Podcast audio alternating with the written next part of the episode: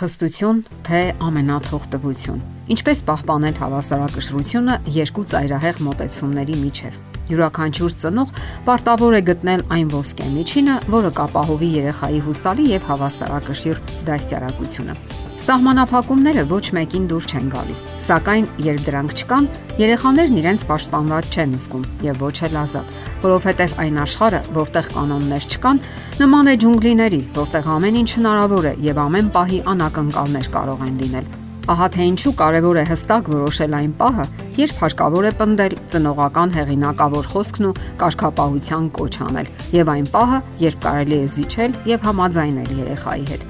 Որոշ մեծահասակներ վախենում են հակադրվել իրենց երեխաներին, շփոթելով բռնակալությունը հեղինակության հետ եւ բոլոր հարցերում համաձայնում են նրանց հետ։ Մյուսները կողմ են կարծր կարգապահությանը եւ շատ քիչ հարցերում են համաձայնում նրանց հետ։ Սակայն այս երկու ծայրահեղությունների միջև գոյություն ունի ոսկե միջին տարբերակ։ Դա ծնողական հեղինակությունն է, սակայն ոչ թե սեփական գերազանցության դիրքերից, այլ սիրող բարության դիրքերից։ Դա այսպես է արտահայտվում։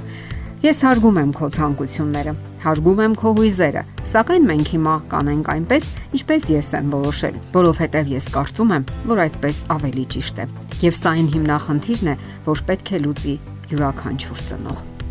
Կարևոր է, որ առաջին հերթին բավարարվեն երեխայի պահանջմունքները Անznավորության պահանջմունքները նման են բուրգի, որոնք ներքևից վերև են գնում, եւ երեխան նույնպես կարիք ունի, որ բավարարվեն այդ բոլոր պահանջմունքները ներքևից վերև սանդղակով իսկ ամենաներքևում գտնվում են ֆիզիոլոգիական պահանջմունքները։ Ապա գալիս է անվտանգության պահանջմունքը, ավելի վերևում սիրո պահանջն է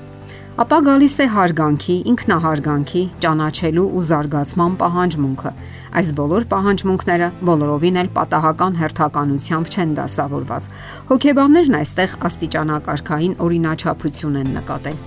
Ավելի բարձր պահանջմունքներն այն ժամանակ են հրատապ դառնում, երբ բավարարվում են ներքևում գտնվող, այսինքն հիմքային պահանջմունքները։ Օրինակ, երեխան չի կարող կենտրոնանալ դասերի վրա այն ժամանակ, երբ ցանկանում է ուտել եւ բավարարել իր ֆիզիոլոգիական պահանջմունքները։ Եվ երբ բավարարվում են նրա ֆիզիոլոգիական պահանջմունքները, նա կարող է արդեն ուշադրությունը կենտրոնացնել դասերի վրա։ Ահա թե ինչու ծնողներն ընդունում են երեխաների ֆիզիոլոգիական պահանջմունքների գերակայությունը։ Նրանք սովորաբար ասում են. գնահած կեր եւ արի դասերը տարա։ Ավելի հազվադեպ նրանք ասում են. «Մինչև դասերը չանես, չեմ կերակրի քեզ»։ Պետք չէ մոռանալ նաև անվտանգության եւ սիրո պահանջմունքները։ Եվ եթե ցանկանում եք, որ երեխայի դասյարակությունը ճիշտ հունով ընթանա, պետք է համոզված լինեք։ Արդյոք երեխան կուշտ է, առողջ ու կայտառ է, իրեն սիրված է զգում։ Ահա թե ինչի վրա է հարկավոր ամենից ավելի ուշադրություն դարձնել, երբ երեխան բողոքում է։ Դուք պետք է համոզված լինեք, որ երեխայի կարևոր պահանջմունքները բավարարված են Պատասխանատվության եւ կարգապահության մասին զրույցները սկսվում են այն ժամանակ, երբ բավարարված են երեխայի հարգանքի եւ ինքնահարգանքի պահանջները։ Իսկ ինչ կարելի ասել սիրո եւ անվտանգության պահանջմունքների մասին։ Արդյոք ամեն ինչ կարքին է դպրոցում, դասարանում, չեն վիրավորում նրան, չեն ծաղրում, ընդունում են նրան։ Վստահ է, որ հարազատները սիրում եւ ընդունում են իրեն։ Պատահում են այնպիսի իրավիճակներ, երբ երեխան բողոքում եւ դիմադրում է Նա չի ցանկանում մինչև վերջ կատարել տնային առաջադրանքները։ Նախքան պնդելն ու պահանջելը հարկավոր է ստուգել։ Արդյոք բավարարված են նրա հիմնային պահանջները։ Միգուցե իրեն հիվանդ է զգում, գլուխն է ցավում, հոգնած է։ Իսկ միգուցե հանկարծ որոշել է, որ իրեն չեն սիրում։ Հարազատների ջերմ վերաբերմունքի կարիքն է զգում։ Երբեմն մայրը մի քանի օրով կամ նույնիսկ շաբաթներով բացակայում է երեխայի կյանքից,